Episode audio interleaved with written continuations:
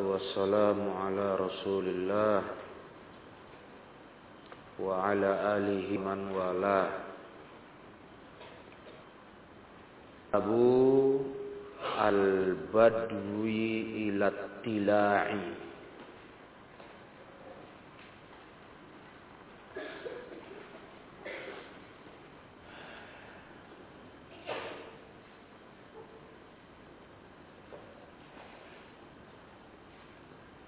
Bab keluar menuju Attila Al-Badwu. Itu maknanya pergi keluar. Jalan menuju itu al-badwu.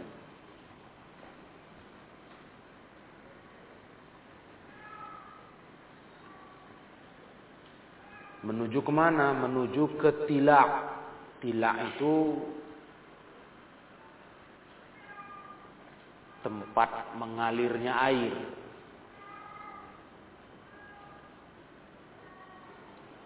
Lembah yang biasa air mengalir.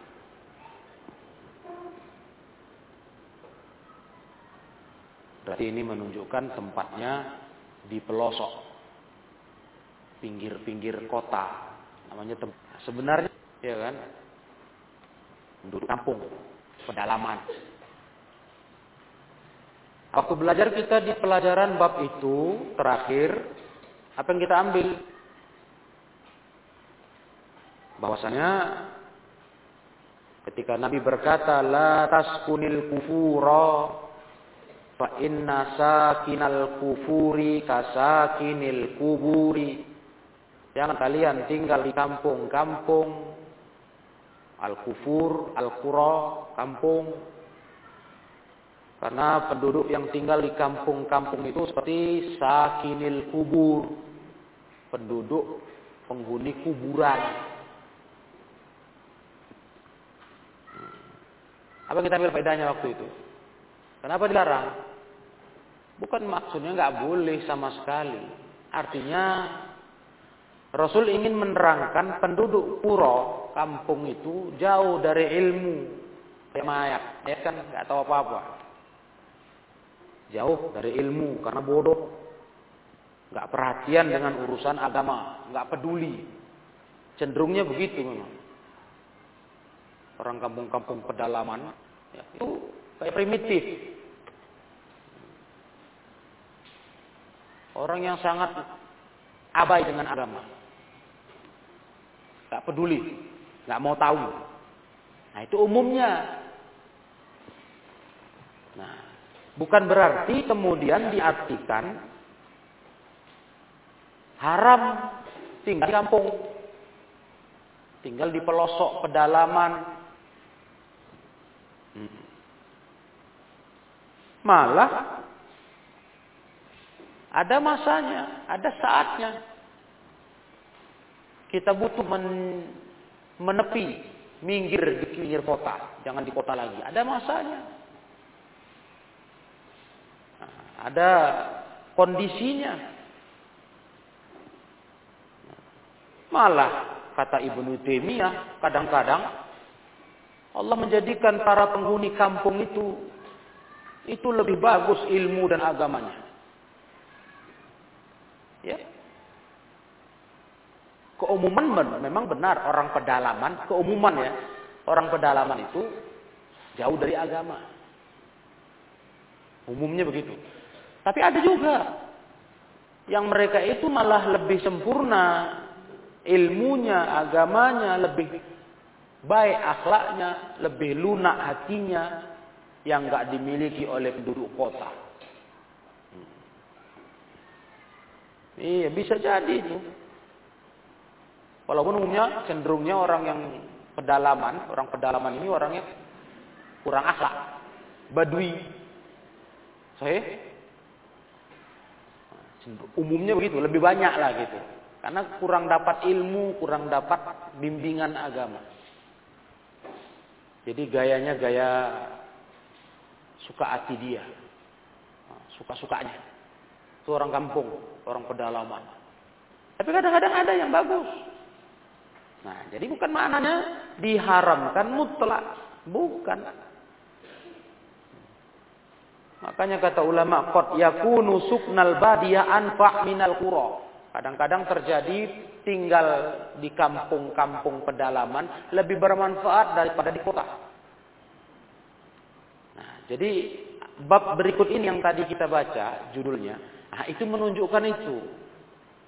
Bukan maknanya nggak boleh kita tinggal di kampung, nggak boleh kita masuk pedalaman. Rasul aja ke situ. Bab al-badwi ila tilai. Nah, Rasul aja berangkat ke situ.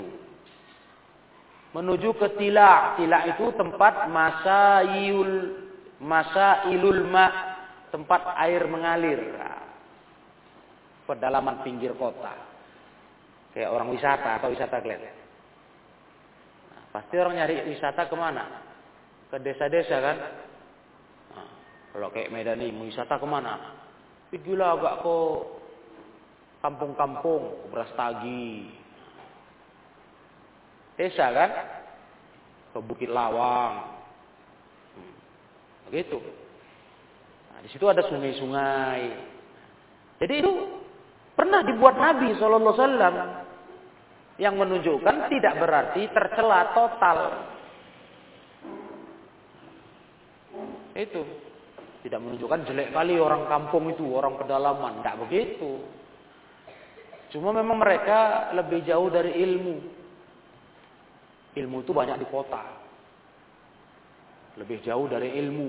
Nah, kalau udah jauh dari ilmu, bodoh lah. Kayak orang mati, kayak penghuni kuburan. Sakinil kubur. Paham kalian di sini? Di sini paham semua? Nah, itulah makna pelajaran kita yang lalu. Bukan maknanya jelek total, buruk kali penghuni kampung. Nah, nggak seperti itu. Ini keumumannya begitu.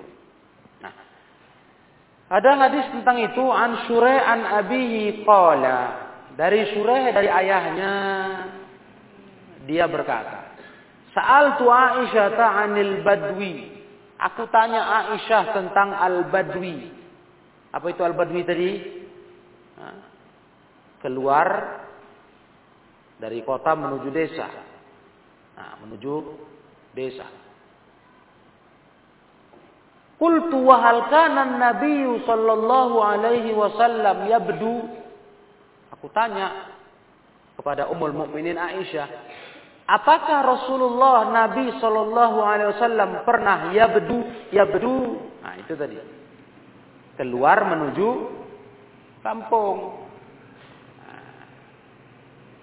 Iya, tapi maknanya bukan maknanya sebagaimana ada pernah mualim baca orang mengartikannya berwisata. Bukan itu. Kita bukan cerita wisata ini. Karena kata Al-Imam Ibnul Athir dalam kitabnya An-Nihayah fi Gharibil Hadis maksudnya Nabi berbuat itu yaf'alu dzalik liyab'udu 'anil nas wa yakhlu bi nafsi. Itu maksudnya. Nabi mau menjauh dari manusia, mau nyendiri, menyepi. Nah, itu maksudnya, cari ketenang. Iya. Jadi bukan maknanya mesti tujuannya main-main jalan-jalan. Enggak, pokoknya ingin Nabi ingin sekali-kali menyendiri, ya, menyepi, cari tenang di desa-desa, di tempat-tempat sumber air, nah, itu boleh. Gitu. Nah, itu maksudnya. Nah, makanya Aisyah radhiyallahu taala menjawab, qalat na'am, betul Nabi begitu.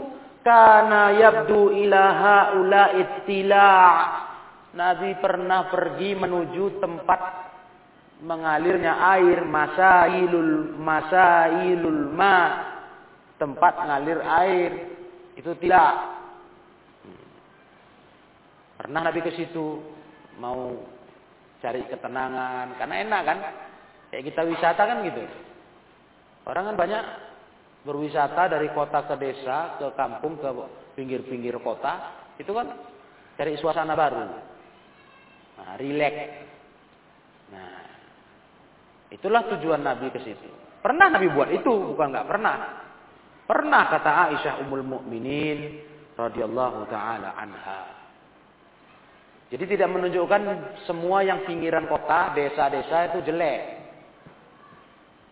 Enggak, enggak usah. Payah orang desa itu buruk, enggak baik. Enggak gitu. Nah, Rasul aja pergi ke desa. Kalau di kota nggak ada sungai yang bagus, cantik, indah, nggak ada. Ya kan? Di kota itu Ya namanya kota, perkotaan. Kalaupun ada sungainya, waduh, sungainya nggak indah, nggak cantik, ya, nggak tenang, ah, bising. Sungainya pun kotor, jorok. Iya, jelas begitu. Memang di kota pun ada sungai, ya kan? Sebelah kita sungai. Nah. Iya. Di tengah kota Medan sungai. Iya kan? Cuman dia nggak tempat yang bisa memberikan kenyamanan. Makanya orang liburan cari tempat tempat-tempat yang cantik, sungai-sungai yang bersih jernih, alamnya masih cantik, kan gitu. Nah, jadi ini hanya untuk menjelaskan kepada kita tentang apa yang pernah dibuat Nabi jalan ke sana. Untuk apa? Untuk yakhlu binafsih. Yab'ud anin nas. Ya, untuk menyendiri, menjauh dari manusia. Nah, itu dia. Boleh. Nabi aja ke sana. Enggak apa-apa. Refreshing, ya kan? Nah. Enggak hmm, masalah. Jadi penghuni kampung itu enggak nyabulak buruk kali. Enggak terus dianggap tercela total teranggap hina. Tidak. Kelas? Jadi ini mestinya kita rangkaikan dengan pelajaran yang lalu. Ya, sehingga kalian paham tentang masalah penghuni kuro, ya, sakinil kuro, nah, penghuni kampung. Ya. Hmm. Toyib. Al-kufur al-kuro. Ya, Rasulullah katakan wala taskunil kufur. Jangan kalian tinggal di kufur. Kufur itu kampung-kampung. Hmm. Jangan tinggal di situ. Itu bukan maknanya larangan haram. Nanti malah kalau udah ribut kali kota ini, di kota, udah kacau balau fitnah. Udah rusak kali manusia. Dianjurkan kita malah menghindar. Pindah. Cari kampung-kampung, desa-desa, urus ternak, urus kambing. Sudah pernah kan? Ada masa bisa seperti itu. Di kota udah kacau balau, fitnah udah merajalela, udah nggak karu-karuan manusia. Udah saling bunuh lah, saling rusak, udah kacau balau. Nah itu lebih selamat kamu pindah, ngungsi. Tinggalkan kota, pergi ke desa. Ke desa pun cari yang pedalaman lagi, pelosok. Lari dari fitnah, menjaga agama. Ada masanya itu nanti. Ya kan? Ada masanya.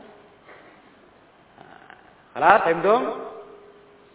Nah, sekarang kita lanjutkan bab berikutnya. Babut at-tu'addati fil umuri. Sebenarnya hadis yang tadi kita baca itu babnya itu ada dua hadis, babul badwi ila tila. Cuman hadis yang satu dhaif. Maka dibuang. Enggak masuk dalam sahih adabul mufrad. Bab atu addati fil umuri atu addah itu maknanya berhati-hati, tidak buru-buru.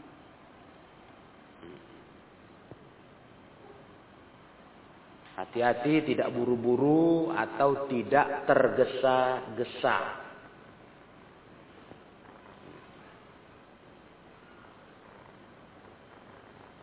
Tidak buru-buru, tidak tergesa-gesa. Karena apa? Al-ajalatu minasyaitan, ya kan? Tergesa-gesa itu termasuk dari kerja setan. Orang beriman itu orangnya tenang. Disimak dulu. Istilah orang gitu sekarang. Simak dulu. Jangan asal-asal aja. Simak dulu. Pelajari dulu. Nah. Jangan tergesa-gesa. Jangan terburu-buru. Hadisnya kita baca Anil Hasan wahwal Basri. Ini asar berarti ada riwayat cerita tentang kisah, ada cerita kisah. Yang bercerita riwayat Al Hasan Al Basri. Manhu siapa dia? Tabi'iyun kabir. Seorang tabi'i yang besar ulama tabi'in Hasan al-Basri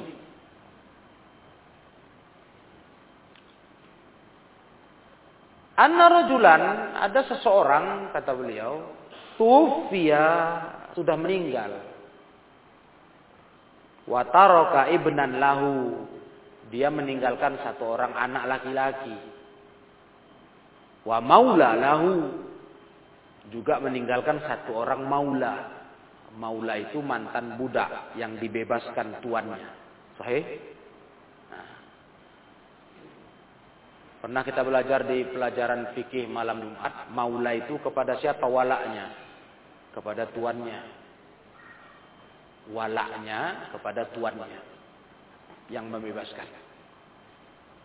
Karena asalnya budak itu kan hak milik. Sahih Hak milik tuannya.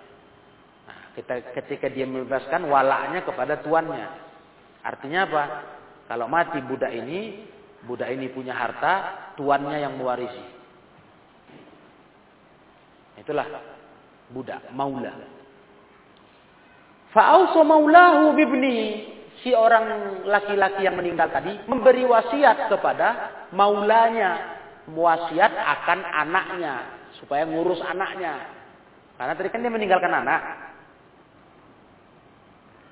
Simak baik-baik ini, kisah ini, biar paham. Jadi yang mati ini berwasiat kepada maulanya. Wasiatnya itu agar mengurus anaknya. Falam ya'luhu hatta adroka wa zawwajahu. Maka dia tidak menyia-nyiakannya. Nah, tidak uh, tidak menyalahi wasiat, dia jalankan wasiat itu, diurusnya lah anak bekas tuannya ini. Hatta adroka sampai dewasa. Besar. Wazawajahu dan dinikahkannya, dicarikannya jodoh. Dinikahkannya, dicarikan jodoh oleh si maula tadi, anak ini. Nah, faqala lahu maka anak ini berkata kepada si maula ini, "Jahizni atlubil atlubal ilma." Coba tolong kau persiapkanlah aku. Aku mau pergi nuntut ilmu, kata si anak. Fajahazahu oleh si maula dipersiapkanlah bekal-bekalnya. Udah keluarga dia ini kan, udah menikah kan. Tadi kan udah dinikahkan. Berarti istrinya tinggal. Istrinya tinggal. Fa'ata aliman fasa'alahu. Anak ini pun datang kepada seorang alim. Ulama. Ya. Datang kepada alim. Dan dia bertanya kepada alim itu. Mulailah dia mau belajar rasanya tanya. Fakola. Ta'alim tadi. Nah, kalau kau sudah ingin untuk berangkat pergi. Udah mau pergi kau. Nah, kasih tahu aku. Fakuli beritahu kepadaku. Aku akan ajari kau satu ilmu. Ada mau ajari kau satu ilmu. kalau kau mau pergi. Nah, karena tadi kan ketemu alim mau belajar, pas sudah mau siap belajar mau pergi, kau mau pergi, kasih tahu aku nanti aku ajarin kau satu ilmu. Faqala hadara minnil khuru minnil khuruja fa'allimni. Kata si anak tadi, ya sudah, sudah sudah hadir, artinya sudah datang niatku mau pergi. Aku mau mau pergi lagi. Coba akan aku, apa itu mau kuajarkan? Katanya sama gurunya. Kata anak tadi. Kata alim. Ngomong dia ke alim gurunya tadi. Fakola kata si guru. Ulama tadi ngomong. Ittaqillaha wasbir wala tasta'jil. Nah, itu dia rupanya ilmunya itu dia. Kau kepada Allah. Dan selalu sabar dan yang ketiga jangan terburu-buru. Itu pesan sang guru. Pesan gurunya itu kepada anak ini. Tahu bertakwa ke Allah itu satu. Yang kedua sabar, jadi orang itu sabar. Yang ketiga jangan tergesa-gesa. Dah? Qala Al-Hasan, kata Hasan ketika menceritakan riwayat ini, fi hadza al-khairu kulluh. Dalam pesan si guru tadi, itu baik semua itu isinya. Takwa, sabar, jangan tergesa-gesa. Itu baik semua. Bagus semua itu pesan itu kata Al Hasan waktu menceritakan ini. Wala yansahunna innama hunna salasun. Hampir saja anak ini tak melupakan tiga pesan itu. Ya, innama hunna salat. Itu ada tiga isinya. Takwa, sabar, terus jangan istiqjal, jangan terburu-buru. Dipegang kali sama anak-anak ini. Pesan gurunya ini, alim ini. Hidup ini harus takwa, sabar, jangan terburu-buru. Nah, dah. Falamma jaa ahlahu, ketika dia pulang ke keluarganya, datang balik pulang. Kan tadi sudah nikah. Waktu dia pergi kan istrinya tinggal. Betul? Ketika datang kepada ahlahu keluarganya, nazala an rahilati, dia turun dari tunggangannya. Udah sampai rumah, turun dia. Falamma nazalat daro ketika dia masuk ke rumah, turun masuk rumah, idza huwa birajulin naimin mutarakhin anil mar'ah wa idza imra'atuhu naimah. Masya Allah. Tahu-tahu nampak dia waktu dimasuk pintu rumah ada laki-laki tidur nggak jauh mutarohin anil mar'ah nggak jauh dari istrinya. Uh, Mana coba? Mendidih darahnya. Kok ada laki-laki tidur? Enggak jauh dari istriku. Wa idam ro'atuhu na'imah. Istrinya pun sedang tidur. Sama-sama tidur nih. Suaminya baru pulang. Si suami ini. Mendapati di rumah istrinya tidur. Enggak jauh dari istrinya ada laki-laki juga tidur. Wah. Bayangkan kalian tuh. Cemana seorang suami melihat ah, kondisi begitu? Pola apa kata laki-laki ini, anak ini? Wallahi ma uridu amma uridu ma antaziru bihada. Demi Allah, aku nggak mau nunggu-nunggu lagi menyikat ini, mem mem mengurus ini, nggak kutunggu-tunggu lagi ini. Gitu. Pokoknya ku hukum langsung, ku sikapi ini, ku tangani gitu.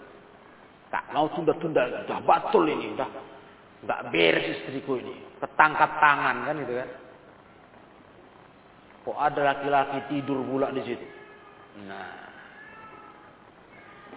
Falamma nazalat daro. Eh, baliklah dia ke tunggangannya. Kan tadi naik, naik, naik tunggangan, naik kuda lah gitu. Balik lagi dari rumah ke tempat tunggangannya.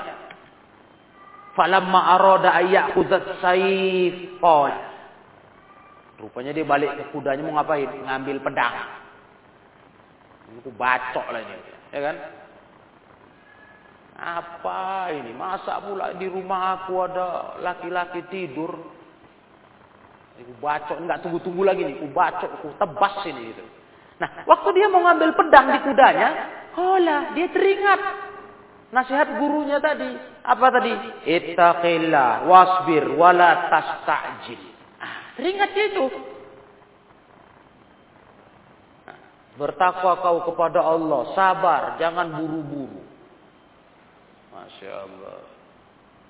Teringat dia. Ini pedang udah mau diambil ini dari kudanya. Karena biasa mereka dulu safar, ya bawa pedang lah, bawa senjata. Atau di jalan tak ada gangguan, ada hewan buas, ada rampok, ya kan? Bawa senjata. Nah, Fala, ya dia balik lagi, nggak jadi ngambil pedang. Pulang lagi dia ke rumah. Nah, Falamma qama ala ra'sihi qala ma antaziru bihadza syai'an faraja ila rahilati. Ketika dia balik lagi, udah tegak dia di atas di arah kepalanya laki-laki itu, nah, dia ber, dia ngomong lagi ke dirinya, aku ma antazir bihadza syai'a, enggak mau kutunggu-tunggu lagi. Enggak kubiarkan gitulah. Harus langsung disikapi ini. Nah, harus faroja ila rohilati. Balik lagi dia ke tempat tunggangannya tadi. Mau ngambil pedang lagi. Nah. Lihatlah, jalan-jalan dia ke sana kemari. Nah. Falamma arada ayyakhudha sayfahu dzakarahu faraja'a ilaihi. Udah, udah yang kedua kali mau ngambil pedang. Oh, ini udah pasti nih. Masuk rumah emosi lagi nengok laki-laki itu kan. Ambil mau ambil pedang nih nggak ada ceritanya. Eh, Teringat lagi. Udah mau ngambil pedang. Zakarahu. Teringat lagi pesan gurunya. Ah, ilmu yang tiga tadi. Takwa, sabar, jangan buru-buru. Akhirnya nggak jadi lagi faroja ilahi. Nggak jadi ngambil pedang. Ditinggalkannya tunggangannya, balik lagi ke rumah. Falamma qama ala ra'sihi istaiqadha rajul. Nah, yang balik yang kedua ini Ketika dia udah tegak di atas kepala laki-laki itu, bangunlah si laki-laki itu. Tersentaklah dia. Kan tadi tidur dia, laki-laki yang dekat istrinya itu. Bangunlah. Ra'ahu ketika laki-laki itu melihat si anak ini, uh, terkejut kan? Fawasaba ilaihi fa'asa wasaba ilaihi dia tegak. Wasaba itu koma tegak sambil menerkam. Wataba ilaihi. Langsung anakahu dicekeknya. Dipitingnya kata kita. Anakahu dipiting. Dicekek. Wa qabbalahu wa sa'alahu. Diciumnya laki-laki ini. Si si laki-laki yang pulang tadi ini. Dan terus dia tanya-tanya. Udah dicekeknya kan. Terus dia tanya, dia cium, dia tanya. Qala ma asabta ba'di? Nah. Kenapa kau tadi setelah setelah datang ke aku tadi kau kenapa? Tadi datang kau keluar lagi. Apa? Ada apa kau? Ma asabta ba'di? Kata yang laki-laki yang tidur tadi kan udah terbangun nih. Terus dia memeluk, menyekek si laki-laki yang suaminya tadi itu, suami perempuan itu. Nah, Qala asabtu wallahi ba'daka khairan kazira. Kata si laki-laki yang dicekek ini, si anak tadi, aku demi Allah setelah tadi datang ke kamu, aku dapat banyak kebaikan. Tadi kan aku datang pertama, niat membunuh, balik ke kudanya. Gak jadi, batal ngambil pedang, balik lagi. Aku dapat banyak kebaikan tadi. Asabtu wallahi ba'daka anni masyaitu lailata baina sayfi wa baina ra'sika salasa salasa mirarin. Aku tadi demi Allah setelah datang ke kamu, aku berjalan malam ini, kan malam ini kejadiannya. Ini antara pedang dan kepalamu. Aku bolak-balik antara ngambil pedang nggak jadi, datang lagi ke dekat kau, balik lagi, datang lagi dekat kau. Nah, itu sampai tiga kali fahajazani ma asabtu minal ilmi an qatlika maka aku tadi terhalangi aku untuk membunuhmu karena ilmuku ma asabtu minal ilmi itu yang menghalangi aku bunuh kau tadi karena aku teringat ilmu itu yang dikasih guruku waktu aku safar sabar, uh, takwa, sabar, terus jangan buru-buru. Masya Allah. Tahu kan siapa itu? Yang tidur ke istri siapa itu? Yang hampir dibacoknya. Maulanya tadi. Kan gelap ini malam. Jadi dia nggak tanda. Ini maula yang besarkan dia. Sampai menikahkan dia. Kalau dia tadi cepat buru-buru. Ambil pedang balik. Cas mati. Nah. nah di sini ada faedah kata ulama. Maula itu termasuk mahram mahram dia. Jadi nggak apa-apa dia di rumah itu sama istrinya anak ini. Nah, nggak nah, apa-apa. Iya. Dia mahram. Itu faedah dari Syekh Al-Albani. Rahimahullah ta'ala. Coba bayangkan kalau dia buru-buru main emosi aja. Nengok laki-laki tidur. Uh, siapa itu? Oh, ada laki-laki tidur dekat istri aku. Wah, gawat kan. Langsung ambil pedang. Bacok terus penggal. Ya, mati. Padahal yang di yang tidur situ bukan siapa-siapa, rupanya maula dia, maula ayahnya dulu.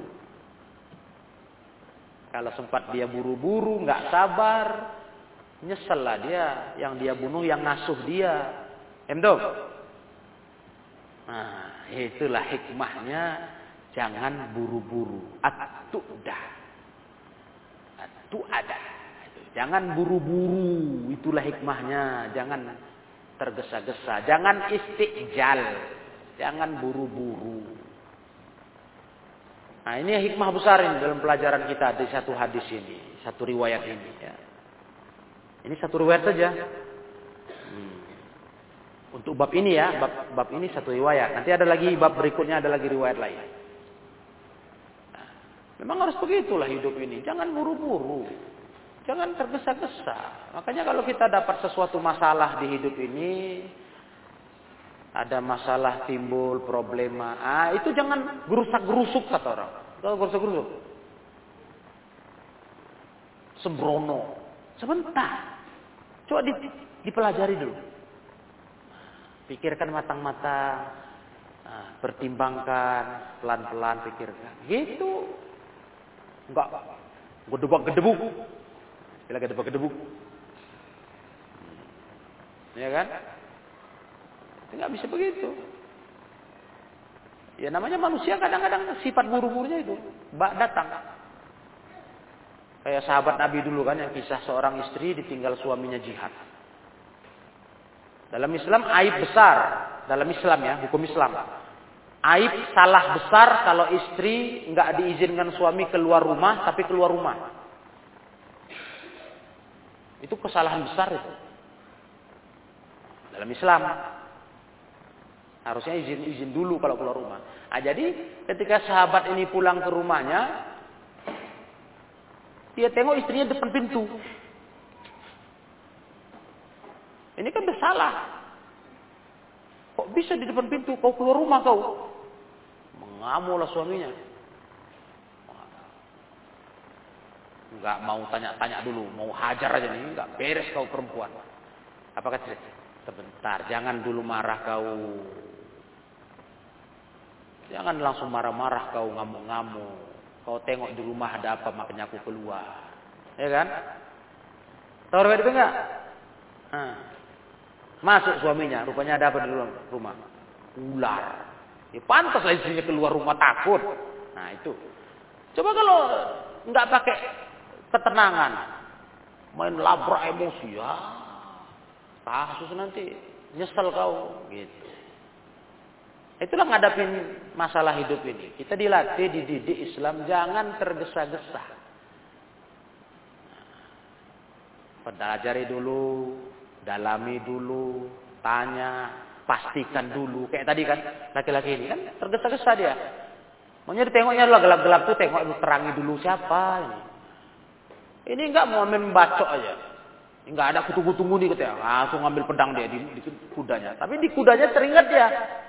Eh, guruku bilang apa? Ittaqillah wasbir wala tasta'jil ah. Batal. Balik lagi dia. Kalau dia nggak teringat ilmu itu gawat, udah pasti ditebasnya itu. Apalagi yang laki-laki yang maulanya tadi lagi tidur, ya enak aja bunuhnya. Betul? Berarti kayak selingkuhan istrinya kan itu kan. Berarti istriku ini nggak beres nih bawa laki-laki lain nih. Aku bunuh aja lah nih laki-laki ini. Coba kalau sempat dia nggak hati-hati, nggak pelan-pelan, nggak terges, tidak berubah, tidak hati-hati, tergesa-gesa. Wah, gawat, matilah. Padahal ini orang yang sangat sayang sama dia, ngurus dia, maula ini, ya kan? Kan begitu dipesankan bapaknya, diurusnya anak ini sampai dewasa, sampai dinikahkan, carikan jodoh. Berarti kan sayang kali orang ini sama dia. Coba kalau dia nggak hati-hati, ditebasnya ini orang. Ambil pedang langsung, Kurang ajar kau, binatang kau, cas, mati. Rupanya dibuka selimutnya, loh, besar. Nah itulah hidup manusia ini. Seringnya suka buru-buru. Nah, jadi kita sebagai seorang yang diajar ilmu, jadi pelajaran ini. Pokoknya jangan gerusak gerusuk, jangan gedebak gedebuk. Jangan. Tenang dulu. Iya. Itulah namanya sifat al-hilm. Al-hilm. Ya, sifat al-hilm itu lemah lembut, tenang. Nah inilah hadisnya. Lihat bab berikutnya. Babut tu'addati fil umur. Bab berhati-hati jangan tergesa-gesa dalam urusan hidup. An Asad Abdul Qais qala dari Asad Abdul Qais beliau berkata, qala lin Nabi sallallahu alaihi wasallam. Nabi pernah berkata kepadaku, Inna fika la khuluqaini Allah. Pada dirimu hai Qais, hai, hai Asad bin Abdul Qais, sungguh ada dua akhlak, akhlak yang kedua-duanya dicintai Allah. Suka Allah sama akhlak kau. Dipuji Allah, dipuji Rasul dia. Qultu wa ma ya Rasulullah? Apa itu ya Rasulullah? Sifat apa itu yang aku punya Allah suka, Allah senang? Apa sifat itu? Rasul bilang apa? Al-hilmu wal haya. Kau punya sifat hilm. Itu dia hilm. Lemah lembut. Enggak buru-buru dan malu, punya sifat malu, pemalu. Suka kali Allah nengok sifat kau ini, kata Rasulullah. Qultu qadiman kana au haditha. Aku tanya, sudah lama atau baru ini ya Rasulullah? Hmm. Sudah lama atau baru ini? Aku punya sifat yang disukai Allah. Kata Rasul, qadiman, sudah lama. Masya Allah, senang kali hati Al-Asyad ini dengarkan itu. Uh, lama aku punya sifat ini disukai Allah. Qultu alhamdulillah alladzi jabalani ala khuluqaini ahabbahumallahu. Segala puji bagi Allah kata beliau yang telah menjadikan bagiku jabalani jabalani artinya menciptakan aku menjadikan aku punya tabiat dengan dua akhlak itu itu arti jabalani, khalaqani wa taba'ani. Menjadikan itu tabiatku. Dua akhlak itu yang kedua-duanya dicintai Allah Subhanahu wa taala. Nah, itu sifat helm. Jadi helm itu kalau dari syarah ulama adalah sifat al-ana wa tasabbut fil umur. Itu dalam kitab An-Nihayah. Helm itu sifat al-ana hati-hati dan tasabut cari pasti dulu dalam segala urusan.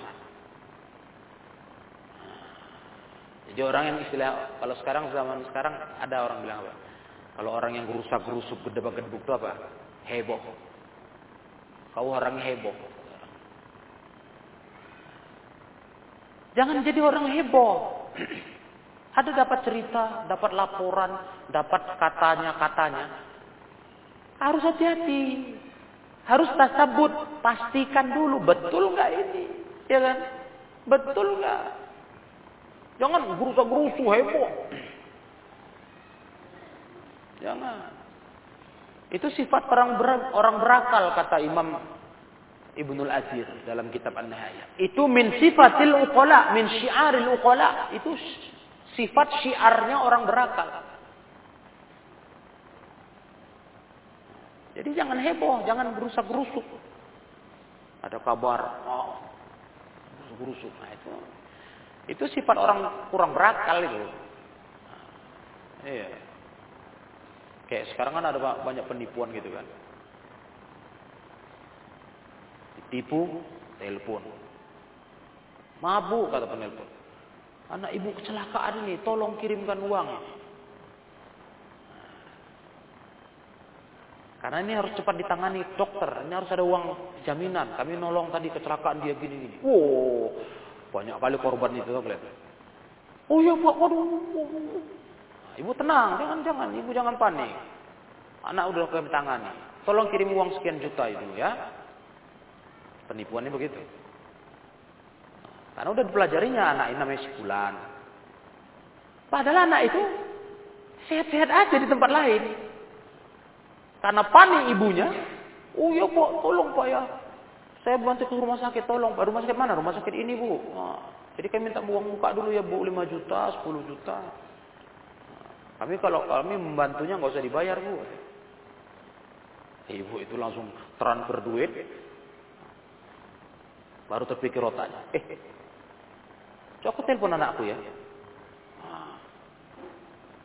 Anaknya heran. Apa mak? Oh kecelakaan nak. Kecelakaan apa? Aku, aku aja sehat-sehat. Alah, udah lewat uang. Leo. Nah itulah buru-buru. Geger. Wow, macam mau, mau apa aja. Nah, jangan begitu. Jangan geger. Jadi orang jangan heboh. Tenang dulu sebentar. Eh, kecelakaan. Kayak mana ceritanya? Tenang. Jangan gerusuk-gerusuk. Ada ada sekarang modus kejahatan memanfaatkan sifat hebohnya kita. Nah, penipuan itu terkenal itu banyak kasusnya udah banyak korban. Memanfaatkan sikap sifat heboh kita, nggak mau uh, atas sebut cari kepastian berita. Makanya ahlu sunnah itu diajari orangnya tasabut. Ada kabar gini, ya, pastikan dulu. Betul nggak itu? Iya. Iya kalau banyak, ini banyak kali kasusnya. Alah, pening kita nengok manusia nih. Banyak kali tak apa-apa. Oke. Apalagi zaman-zaman dunia internet nih. Alah, semua dimasukkan orang. Yang hoak-hoak itu. Ya kan? Hoak-hoak. Hoax. Itu banyak kali. Geger berdua gedebuk masyarakat dibuatnya. Rusuh. Nah, padahal nggak ada masalah, nggak ada apa-apa. Nah, nggak ada masalah padahal. Cuman karena ada yang memicu itu, memanfaatkan momen itu. Nah, dulu tahun 2000 sekitar 2004-an itu tsunami itu juga. Nah, jadi dijadikan modus kejahatan. Ada yang buat isu oh, air laut air laut naik, cari selamat. Lari orang di satu daerah tuh. Ke tempat tinggi. Wow, panik kampung. Wow, wow, wow jerit-jerit lari. Kan kosong rumah tinggal. Nah, dikutipnya lah barang orang. Mana pula orang mengunci dulu rumah. Lari aja pokoknya cari selamat. Karena ada tsunami ini. Nah, lagi heboh-heboh dulu tsunami. Nah, itulah contoh lagi. Heboh. Oh, berdua berdebuk orang. Udah naik ke tempat yang tinggi. Oh nggak ada apa-apa. Nah, tak iya nih pulang. Rumah udah bolong. Habis sudah. Di otak-acak orang. Itu masuk pemberitaan nah, kejahatan manusia itu seperti itu. Memanfaatkan sifat buru-buru manusia. Nah, itulah dia. Jadi kita dididik dalam agama ini, dalam Islam, jangan suka buru-buru, jangan suka gedebak-gedebuk ya. Biasakan dulu menghadapi masalah itu dengan kepala dingin. Tenang, santai. Apa masalahnya? Pak. Iya, kan karena kita begitulah memang begitulah manusia ini. Suka yang heboh-heboh ya kan. Apalagi nyampaikan kabar katanya-katanya. Bosar kali ceritanya. Iya, enggak enggak karu-karuan. Fulan tabrakan Masya Allah copot copot kaki uh, copot kaki udah ngeri misalnya kan Udah kali copot kakinya. Berapa panjang? Sebat sepanjang mana? Sebatas mana copotnya kan gitu kan? Uh, pokoknya gitulah katanya. Wow, ngeri kali pokoknya. Datang yang satu ini, bilang sama kawan yang lain. Uh, copot kaki dia. Wah, copot. Semua copot kakinya. Begitu ditengok datang. Oh, kukunya copot. Tadi kau bilang kok kakinya? Iya katanya begitu. Aduh kau ini. Sebentar dulu. Coba dipasti-pastikan dulu. Nah, iya. Kelas? Nah itu hadisnya. Berikutnya an Qatadah qala haddatsana man laqiya al-wafd alladhi qadimu 'ala an-nabi sallallahu alaihi wasallam min Abdul Qais wa dzakara Qatadah Aba Nadrah an Abi Sa'id al-Khudri qala qala an-nabi li Ashad Abdul Qais. Nah, itu juga samanya itu. Ujungnya kepada sahabat Al-Ashad bin Abdul Qais. Nabi berkata kepadanya, "Inna fika laqaslataini yuhibbuhumallah." Di diri kamu ada dua sifat yang Allah cinta. Apa itu? Al-hilmu wal anatu. Nah, kalau yang pertama kan al-hilmu wal haya'u, ya kan? Kalau di sini sedikit beda lafadznya. Al-hilmu wal anatu. Ya sama. Hilm sama anah itu sama. Tasabut tidak buru-buru. Adamul ajalah tidak buru-buru. Hmm. Begitu pula hadis yang ketiga wa an ibni Abbas qala qala Nabi sallallahu alaihi wasallam li Ashad Ashad Abdul Qais inna fika la qaslataini yuhibbuhum Allah al-hilm wal anatu. Sama. Isinya sama. Karena sahabat ini yang terkenal punya sifat itu. Sifatnya santun, nggak tergesa-gesa, ya kan? Bukan maknanya berarti orangnya lambat kayak apa? Kayak bekicot kata orang. Lemot. itu bahasa. Lemot lemot? Iya. Istilah orang kau ini lemot kali kau. Udah gunung udah meletus. Orang udah putar kasir kau malah jalan santai tengok-tengok lemot kata. Bukan masalah itu. Bukan maksudnya mau lemot kita enggak. Kita tanggap ada berita, tapi kita enggak tergesa-gesa, enggak heboh. Kita pastikan dulu, ah, betul itu. Kayak mana betul ceritanya? Dicari tahu dulu. Ya kan? Dicari tahu dulu. Jadi enggak gerusa-gerusu kok. Gedebuk-gedebuk. Kacau nanti jadi kita sendiri susah kalau buru-buru gak karu-karuan itu. Kacau.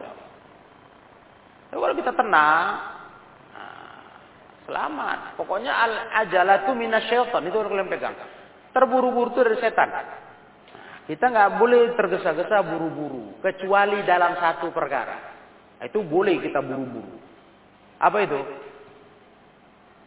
Dalam perkara berbuat kebaikan. Nah itu cepat, jangan lama-lama, jangan banyak mikir. Itu kata ulama.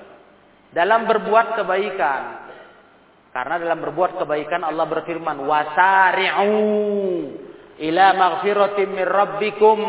Bersegera. Jangan tasabut dulu. Oh. Sesuatu perkara berbuat kebaikan yang sudah jelas. Nah, tunggu dulu, pastikan dulu. Udah jelas, kebaikan udah jelas, itu kebaikan. Pastikan dulu, jangan. Jangan lama-lama kalau dalam kebaikan, bersegera. Nah, itu faedah dari ulama. Iya. Kalau dalam urusan kebaikan kita bersegera kebaikan yang memang udah positif ya, memang udah udah jelas gitu loh. Tapi kalau masih belum jelas samar ya kita tetap hati-hati, pelan-pelan, nggak buru-buru. Nah. Makanya disuruh kita kalau dalam urusan-urusan yang sifatnya belum jelas, belum yakin betul, itu apa? Diajari Allah sama Rasulnya. Kita harus pertama musyawarah. Cari pendapat. Yang kedua istikharah, ya kan? Pernah dengar istikharah? Salat istikharah. Karena sesuatu masih belum jelas. Belum jelas sekali, masih samar kebaikannya. Kita coba musyawarah dulu. Itulah bentuk berhati-hati. Cari pendapat dari orang-orang yang paham. Habis itu istikharah. Minta pilihan ke Allah. Nah, gitu. Ya. Dan nggak semuanya urusan hidup ini mau buat kebaikan kamu istikharah. Enggak. Enggak begitu. Nah, ada bab-bab yang memang kita harus istikharah, musyawarah. Jangan gedebuk-gedebuk. Kita harus pasti-pastikan dulu. Harus cari tahu kejelasan dulu bagaimana bagaimananya. Tanya dulu ke yang ahlinya, yang pengalaman. Nah, baru minta sama Allah. Istikharah sholat. Paham Nah. Nah, itu dia pelajaran kita wallahu alam bissawab. Sudah selesai. Masalah istijal sudah selesai.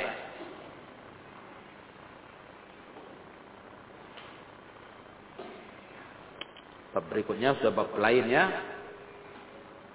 Sudah babnya beda. Bab al-baghi. Iya.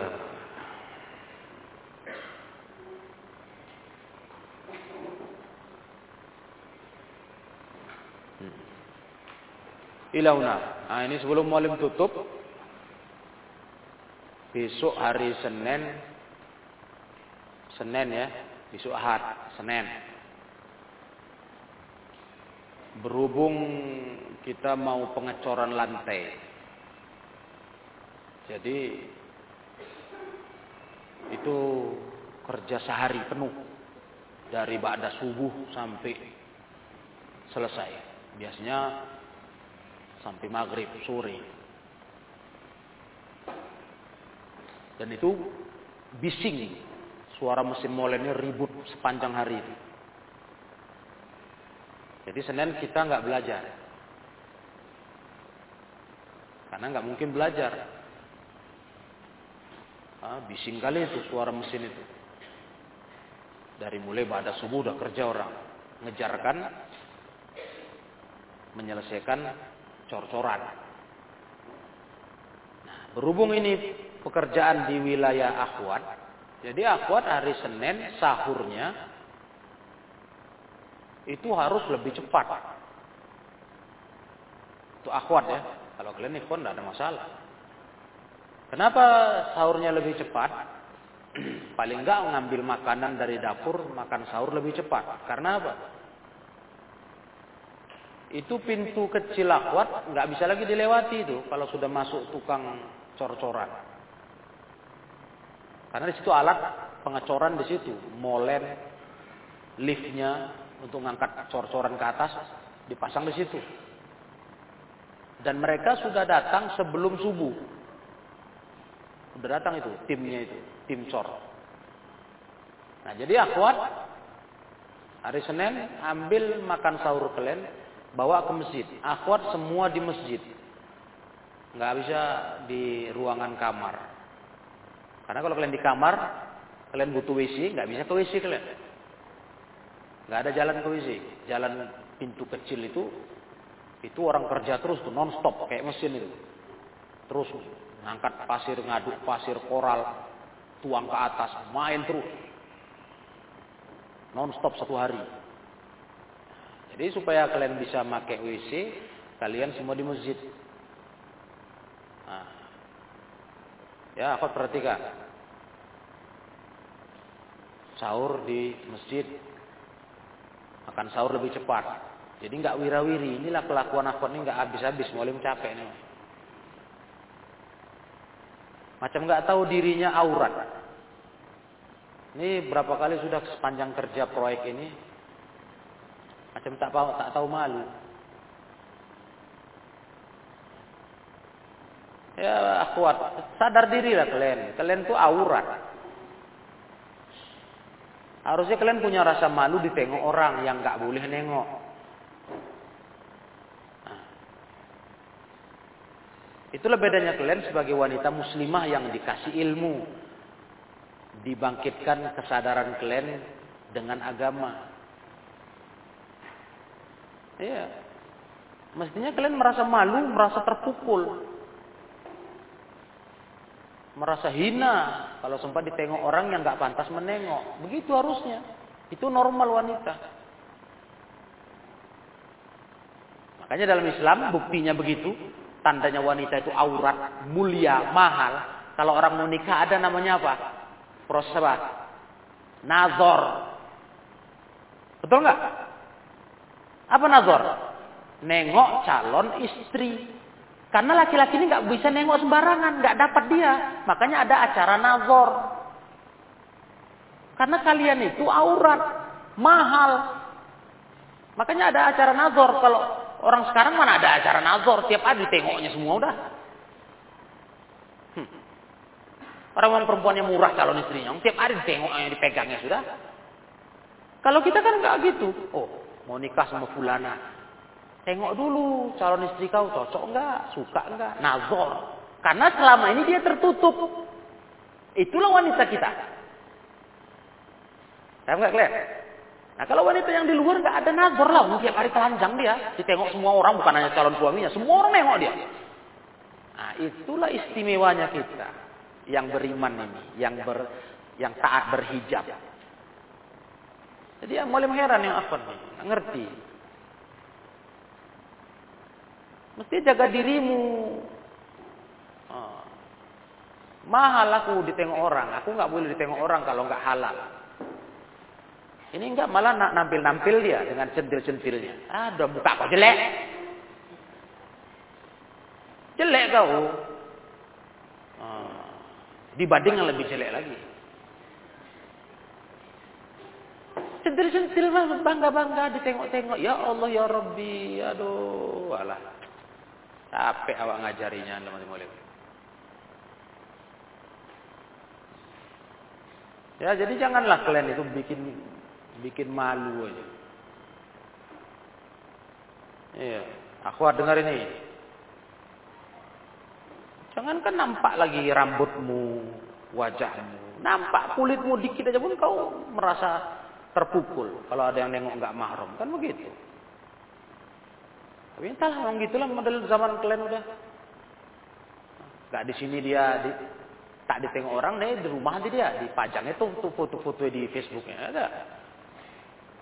Ada otaknya. Islam baik-baik memuliakan dia jadi wanita mahal, istimewa.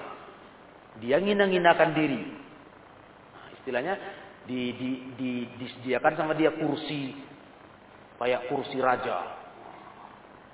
Karena dia mulia. Dia nggak mau, dia mau nyuruh ke god-god itu. Nah, itulah ibaratnya itu kalau mau membayangkan. Duduk sini kau, kau mulia. Nih kursinya bukan kursi biasa, kursi raja. Kayak kursi raja singgah sana. Duduk sini. Nah, itulah dimuliakan orang. Nggak mau aku, aku mau duduk di bawah god. Mana kita bilang ya orang kayak gitu dah. Nah, itulah kalian nih wanita. Dimuliakan Islam kalian. Islam muliakan kalian. Kalian nggak tahu dimuliakan. Nah, jadi janganlah gitu ya. Ini proyek masih jalan. Nanti gitulah. Udah berapa pernah belum tegur ya? Mungkin baru sekali. Kalau sudah jam zuhur, Pak, ada zuhur tuh cepat pergi dari masjid. Cepat, jangan duduk-duduk lagi, akhwat. Ini duduk-duduk dia ongkang-ongkang. Tukang harus masuk. Orang tukang kerja pakai jam. Hmm? Bukan kerja suka suka sukarela mereka, dibayar pakai duit. Enggak dari bapak kau mau minta duitnya. Nah, kuat. Ada mau minta maklet? Sepera enggak ada, gopek enggak ada mau minta. Itu pakai waktu. Gara-gara nunggu kalian udah kepotong waktu dia. Masa siap sholat tahu ya sampai habis proyek ini sabarlah kalian dulu cekatan tiap sholat bubar cepat kosongkan itu masjid pada asar boleh pada asar waktunya pendek lagi mau berhenti kerja menunggu kalian aja lewat 10 menit yang cicilan macam mau disiram air panas kau iya kan bercicilan ya Allah ya Rabbi Nggak pandai ngatur diri, nggak ngerti malah ya. Udah tahu waktunya mepet ini jam kerja. Begitu sholat sudah bangkit pindah ke ruang kamar kalian. Gitulah harusnya. Ini duduk-duduk sampai digedor-gedor sampai kadang dibuka karena sekalian. Dia bercicilan kayak alah tikus kurap itu.